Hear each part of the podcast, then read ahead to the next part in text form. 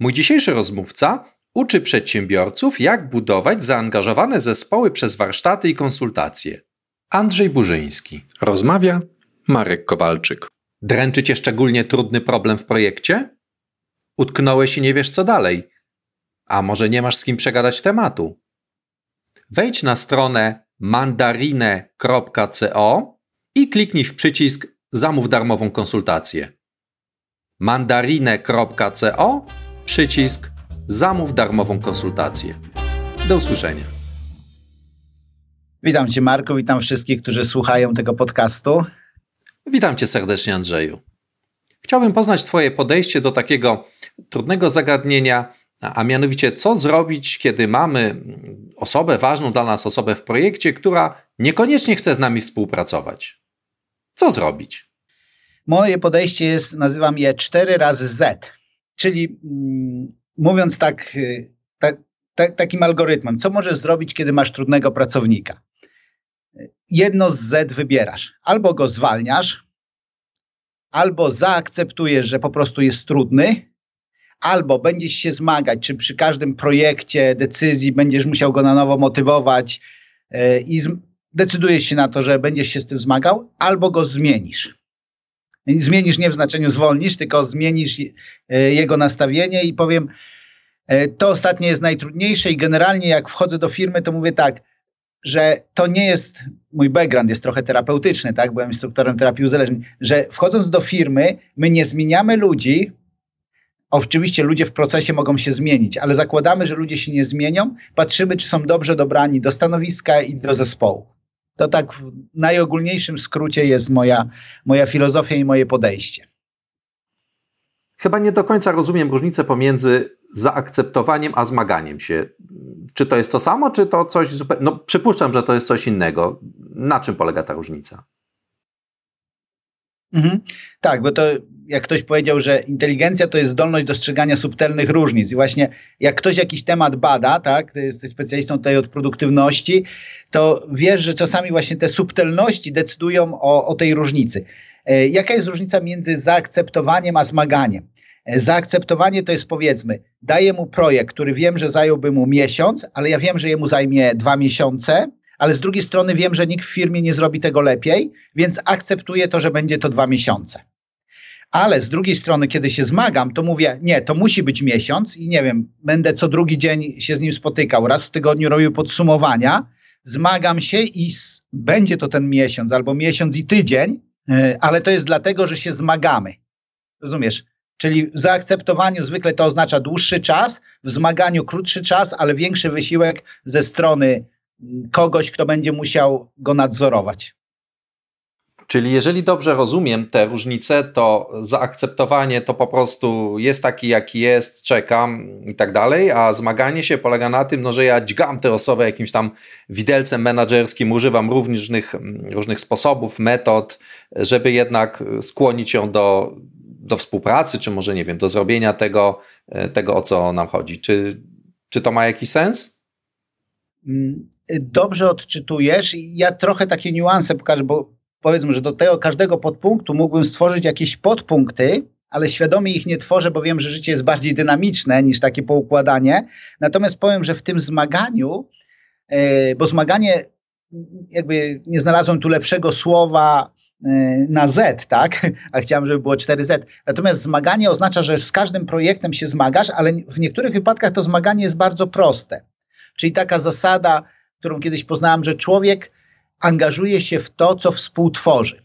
Tak, tak brzmi teoria i czasami w praktyce ona też się sprawdza, czyli przychodzimy do takiego fachowca i mówimy mu, jest taki projekt, co ty o tym myślisz, jak ty byś to widział, co ty mógłbyś wykonać. Im bardziej on będzie odpowiadał na pytania, im bardziej yy, on będzie szukał współtworzył, ale nie stawiamy mu pytania takie, wiesz, mamy już wszystko przygotowane, a stawiamy mu pytania, bo chcemy go zmanipulować, tylko chodzi o to, że stawiamy mu pytania, żeby rzeczywiście na tym etapie tworzenia, żeby on powiedział ze swojej strony. Po pierwsze jest fachowcem, więc się zna.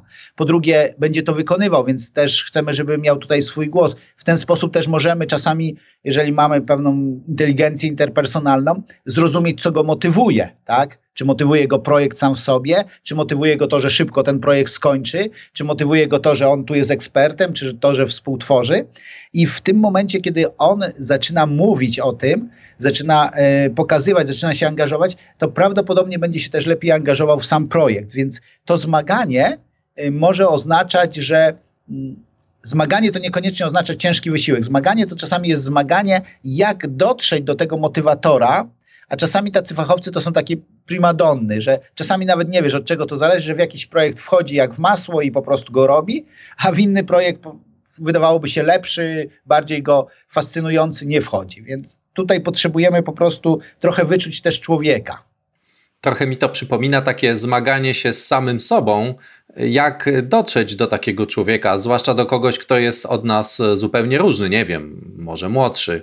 Często to jest właśnie ta różnica, szczególnie to pokolenie, które przychodzi. Ja nie chcę teraz mówić o różnicach pokoleniowych, ale chcę powiedzieć też, że y, ludzie, którzy są młodsi, często mają lepsze doświadczenie w pewnych rzeczach, na przykład w mediach społecznościowych, niż to pokolenie trochę starsze i posłuchanie ich, tego co oni mówią, y, może rzeczywiście wnieść dużo cennej wartości y, do naszej firmy, więc to zmaganie się ze sobą, żeby wysłuchać, żeby zrozumieć punkt widzenia, bo nawet jeżeli ten punkt widzenia zupełnie nam się nie podoba, to ciekawą rzeczą psychologiczną jest to, że człowiek, który poczuł się zrozumiany, łatwiej też będzie mu przyjąć nasze argumenty, bo on widzi, że my go rozumiemy, możemy się nie zgadzać, to jest inna kwestia, ale jeżeli on się poczuł zrozumiany, to to już dużo pracy mamy wykonanej.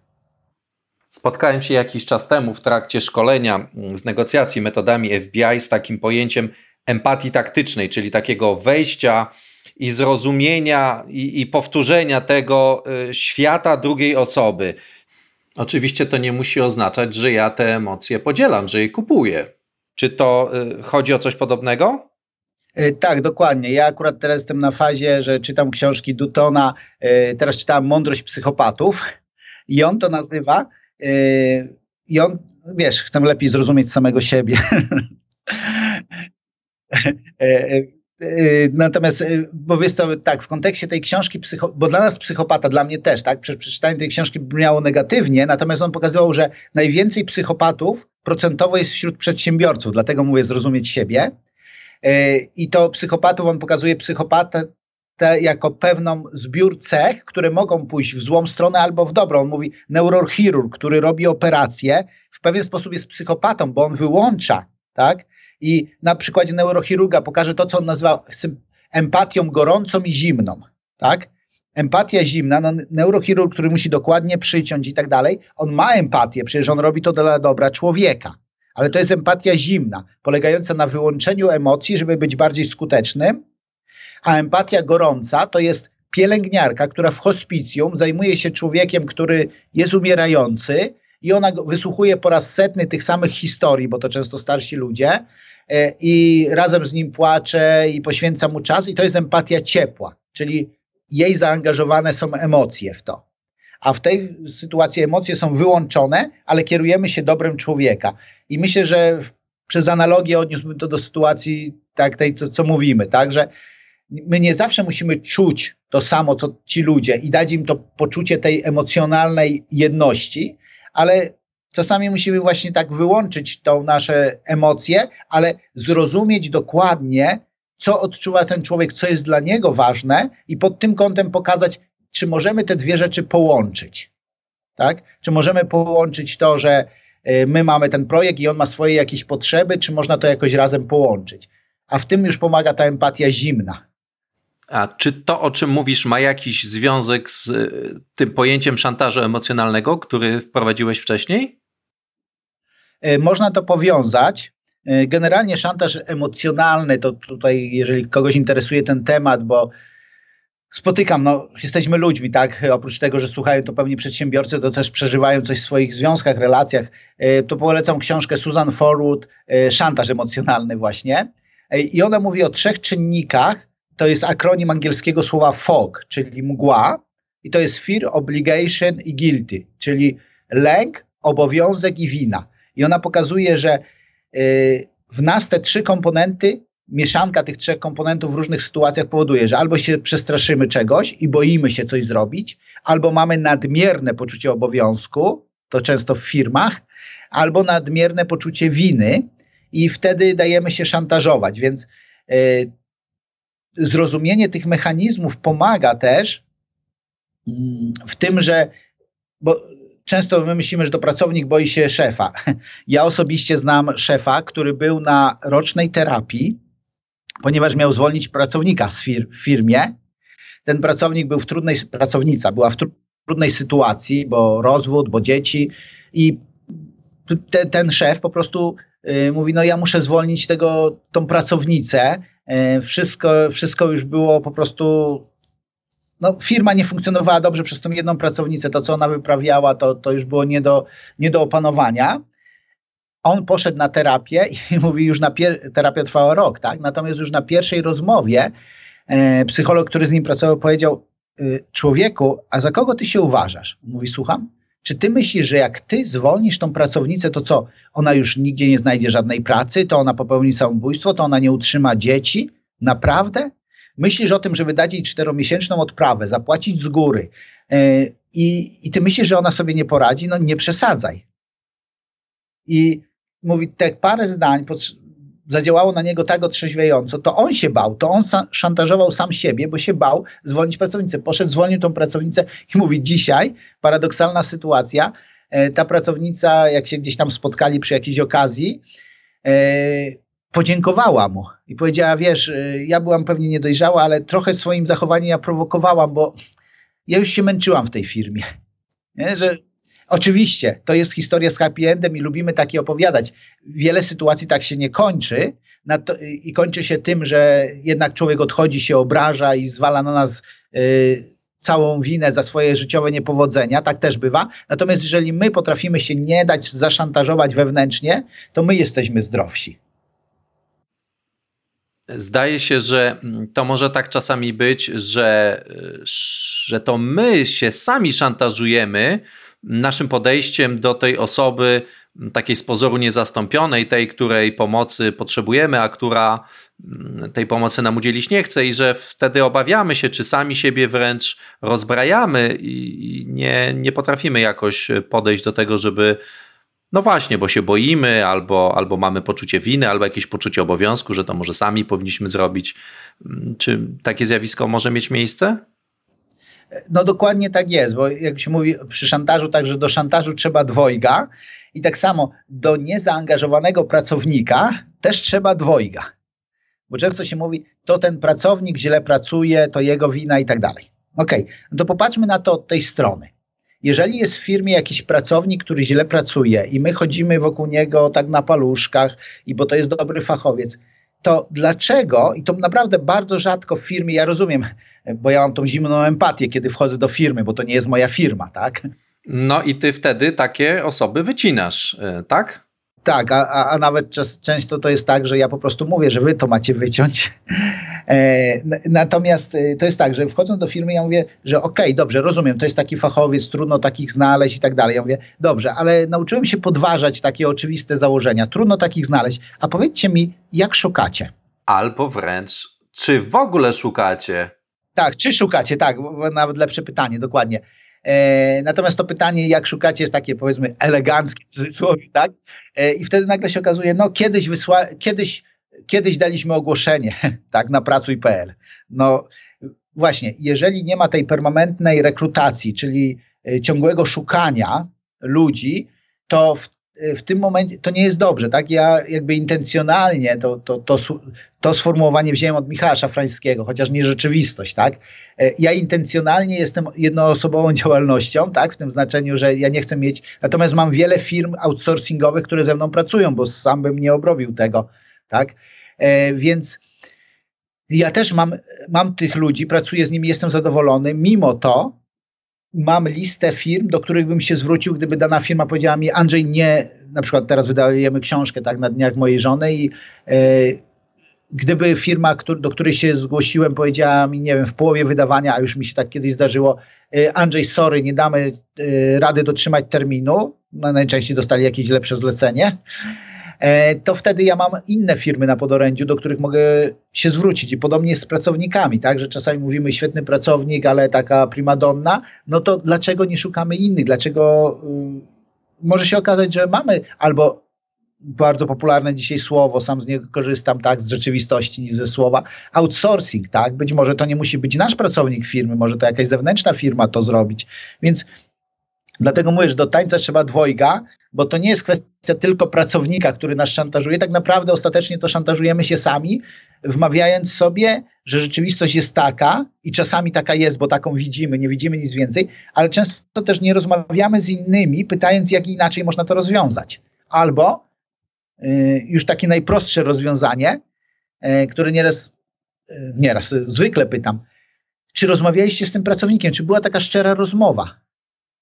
Co jest dla was trudne, tak? Jest taka książka, to jest zbiorowe wydanie, kluczowe rozmowy i, i tam jest taki schemat ważnej, ale trudnej rozmowy, tak? Ważna, ale trudna rozmowa, no to jest ważny temat, silne emocje i odmienne zdania, tak? I jak te trzy komponenty są, to wtedy E, rozmawiamy, no i tam jest bardzo prosty schemat rozmowy, tak? Prosty oczywiście w teorii, bo tutaj są emocje, że najpierw mówimy o faktach, czy tak, fakty, czyli to, co rejestruje kamera, potem mówimy o tym, jak my widzimy, nasz punkt widzenia i potem pytamy drugą stronę, żeby nam powiedziała. Tak? I potem, jeżeli się dobrze zrozumieliśmy w tym, to jesteśmy w stanie poszukać y, y, wspólnego wyjścia. Czasami nie rozmawiamy wprost z danym pracownikiem, y, bo się boimy, i stąd wynikają nieporozumienia. Jakby komunikacja jest podstawą w relacjach jakichkolwiek biznesowych czy prywatnych. Mm, a ja bym chciał skierować naszą rozmowę jednak troszeczkę na bardziej na tory takiej sytuacji, kiedy to nie jest, ja nie jestem w pozycji szefa, właściciela, tylko jestem w pozycji kierownika albo może pracownika, e, który musi sięgnąć po współpracę z kimś e, w bok albo w górę. No właśnie, jak sobie radzić w takiej sytuacji? E, no tak, ja się rzeczywiście zapędziłem, ponieważ w wielu wypadkach ja pracuję z właścicielami firm, tak, nie korporacji, tak, bo głównie to są moi, y, właściciele małych, średnich firm, tak, więc y, rzeczywiście to jest trochę inna perspektywa. Natomiast no, pracuję też z menadżerami, kierownikami, dyrektorami, tak, czy liderami magazynów, bo to różne określenia są. E, I rzeczywiście no, to jest pewna specyfika, tak? Na przykład taki lider magazynu, tak, konkretnie tu mam na myśli, to w jego wypadku często to zarządzanie wbrew pozorom jest prostsze. E, bo to jest kwestia bardzo dyrektywnego zarządzania. Dyrektywnego to nie znaczy hamskiego. Tak, bo tutaj ludzie często to mylą. Nieraz na szkoleniach czy tam na konferencjach jestem, to zwracam się do ludzi w taki sposób. Mówię, e, bardzo was proszę, żebyście wstali. I ludzie wstają. Ja mówię, dziękuję, że wstaliście. Proszę usiądźcie. Ludzie siadają. I ja mówię, czy to było dyrektywne zarządzanie? 90% ludzi mówi nie. Ja mówię, dlaczego? No bo byłeś miły, poprosiłeś. Ja mówię, było dyrektywne. Był podany y, nakaz bez żadnego wytłumaczenia. A że był podany w miły, kulturalny sposób, to jest inna sprawa.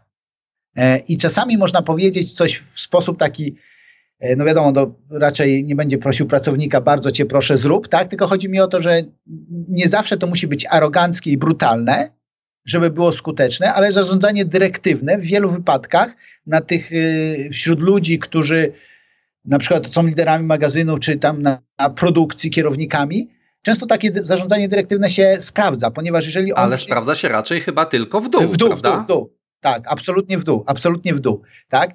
Więc jakby chcemy tak trochę od dołu pójść, tak? Od tego takiego najprostszego zarządzania, gdzie tutaj y, pokazanie im, że zarządzanie takie dyrektywne na zasadzie mówisz jasno, ale jesteś bardzo w tym sprawiedliwy, mówisz przejrzyście, pokazujesz co, dlaczego trzeba zrobić, takie bardzo logiczne, tak? Bardzo logiczne, bardzo proste, poukładane zarządzanie naprawdę wiele zmienia. Y, szef po prostu musi się poczuć szefem w tej sytuacji. I często ludzie nie czują się szefami, dlatego są bardzo albo tak ustępują pracownikowi, bo się boją, albo są bardzo agresywni, też bo się boją. Agresja jest wyrazem lęku. Natomiast wyrazem pewności jest to, że mówię stanowczo i ludzie słuchają.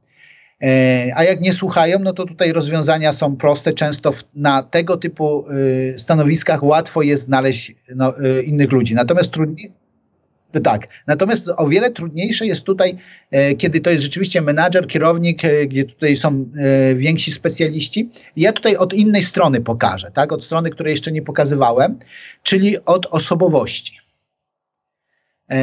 Ja jestem fanem w ogóle osobowości i to samo w sobie zajęłoby więcej czasu, więc tylko przybliżę trochę moje rozumienie osobowości, jak to się ma w praktyce.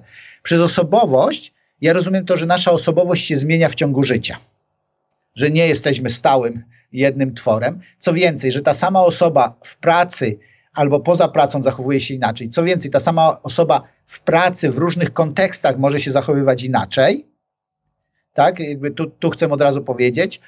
E, I że natomiast y, kiedy pracuję z, na przykład z menadżerami i kierownikami i wyżej, to proponuję im test Career Direct, po polsku kompas kariery, żeby szczegółowo omówić ich silne i słabe strony, żeby zdawali sobie sprawę, w czym są mocni i zdawali sobie sprawę, w czym są słabi. Bo podstawą naszej inteligencji interpersonalnej, międzyludzkiej jest intrapersonalna, czyli samoświadomość. I kiedy wiem, że y, są tacy ludzie, tak, że są bardzo dyrektywni i tego nie widzą, bo to często kierownicy, na zasadzie y, pokażę projekt, w którym niedawno pracowałem. Tak? Trzy osoby wymyśliliśmy pewien projekt, Mm, i każdy z nas jest osobą dyrektywną. Jedna z osób nagle e, w tym projekcie pisze do nas maila i pokazuje, że zrobimy tak i tak, gdzie wcześniej umawialiśmy się na uzgadnianie takich rzeczy. No więc y, odpisaliśmy te dwie osoby tak prawie jednocześnie, bo to szybkość reakcji. Y, napisaliśmy, że super pomysł, ale może byśmy go wspólnie omówili. I tamta osoba, o, sorry, zapędziłam się, nie? Y, że, rozumiesz, że często ludzie nie mają świadomości swoich silnych i słabych stron. Ludzie mają świadomość, jak siebie widzą, ale nie mają świadomości, jak inni ich widzą. I dlatego e, taka osoba, która zarządza dyrektywnie, kiedy ma zespół, często nakazuje coś zespołowi i zupełnie nie słucha, albo mówi: Nie, no pytałem zespołu, zespół nic nie powiedział.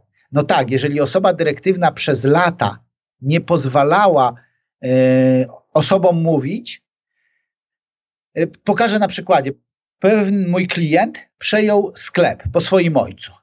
I był tam problem jednej pracownicy, one na zmianę dojeżdżały, jedna dojeżdża z sąsiedniej miejscowości i ma tak autobus, że po prostu nie, nie jest w stanie być rano, rozpakować świeżych warzyw i tak dalej. Wynik problem. Yy, I, I ten człowiek przyszedł do mnie tak i mówi, Andrzej, mam taki problem, co możemy zrobić? Ja mówię, a czy rozmawiałeś z pracownicami? No tak, nic się nie da zrobić. Ja mówię, spotkajmy się razem, ale już bez ciebie. I ja zapytałem tych pracowników, o co chodzi i co się okazało. Poprzedni właściciel, jego ojciec, bo on przejął parę miesięcy wcześniej, powiedział tej pracownicy, że nie zwróci jej pieniędzy za paliwo. Ona po prostu mogłaby przyjeżdżać własnym autem. Ale ojciec przez ostatnie lata, ona tam pracowała ileś lat, stworzył taką atmosferę, że ludzie bali się mówić wprost, więc czasami to jest problem. Ale okej, okay, ty pytasz o zarządzanie w górę, tak? No dokładnie, bo to jest temat, który y, chyba naj, najwięcej y, słuchaczy dotyczy. No tak, to jest najtrudniejszy przypadek. Jak to Maxwell napisał w książce 360-stopniowy lider, to zacznijmy od góry, tak? Góra, bok, tak? I, I, zobaczmy, jak, jak to nam pójdzie. Więc zarządzanie w górę, no to ta zasada negocjacji, e, tak, batna, czyli e, czy w ogóle warto zarządzać w górę? Tak, to jest jakby pierwsze pytanie. E, w tej konkretnej sytuacji możesz mieć takiego szefa i masz takie doświadczenie, że nie warto, bo nie awansujesz, e, bo obetnie ci premię i tak dalej. No to jest trudne. Zawsze można ten jeden szczebel przeskoczyć i na przykład jak masz dyrektora, to pójść do właściciela. No ale tutaj zawsze trzeba rozważyć, czy jest sens. Natomiast no właśnie, przecież zawsze możemy zwolnić swojego szefa. Zwolnić szefa, zwolnić siebie. No, zwolnić szefa brzmi tak, tak troszeczkę lepiej, prawda? E, znaczy tak, e, są takie, ja zawsze mówię tak, zawsze się zastanów, jaki jest koszt alternatywny. Czy, le, czy co będzie lepsze?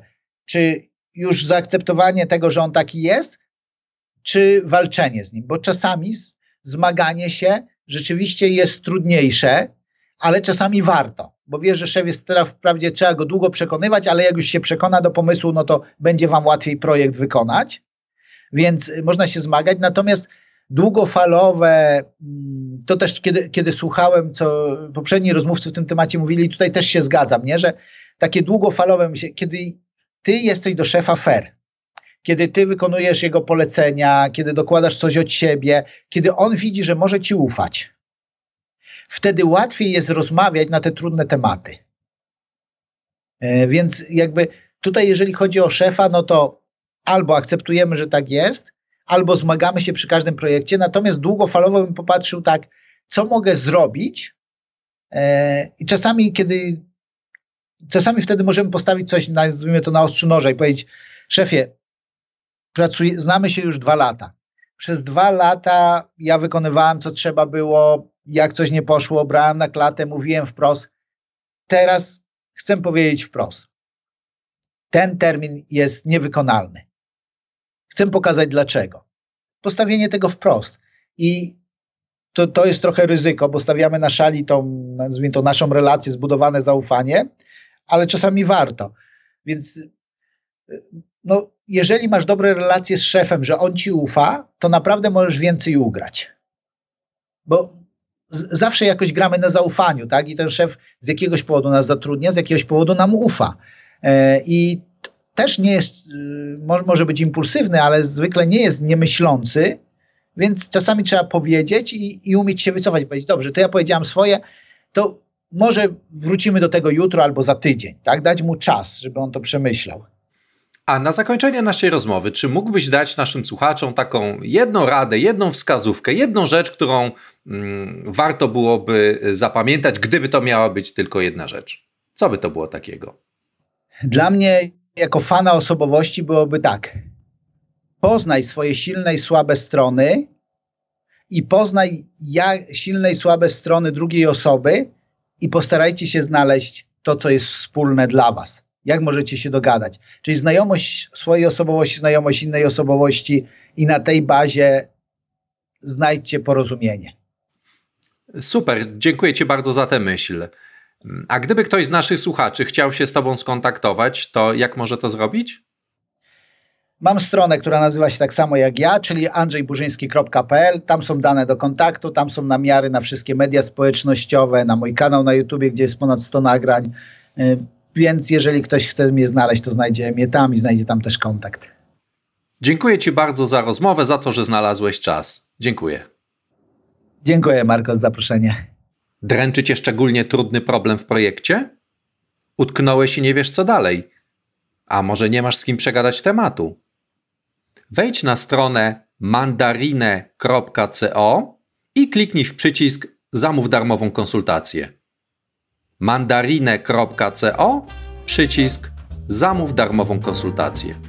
Do usłyszenia. Rozmawiał Marek Kowalczyk.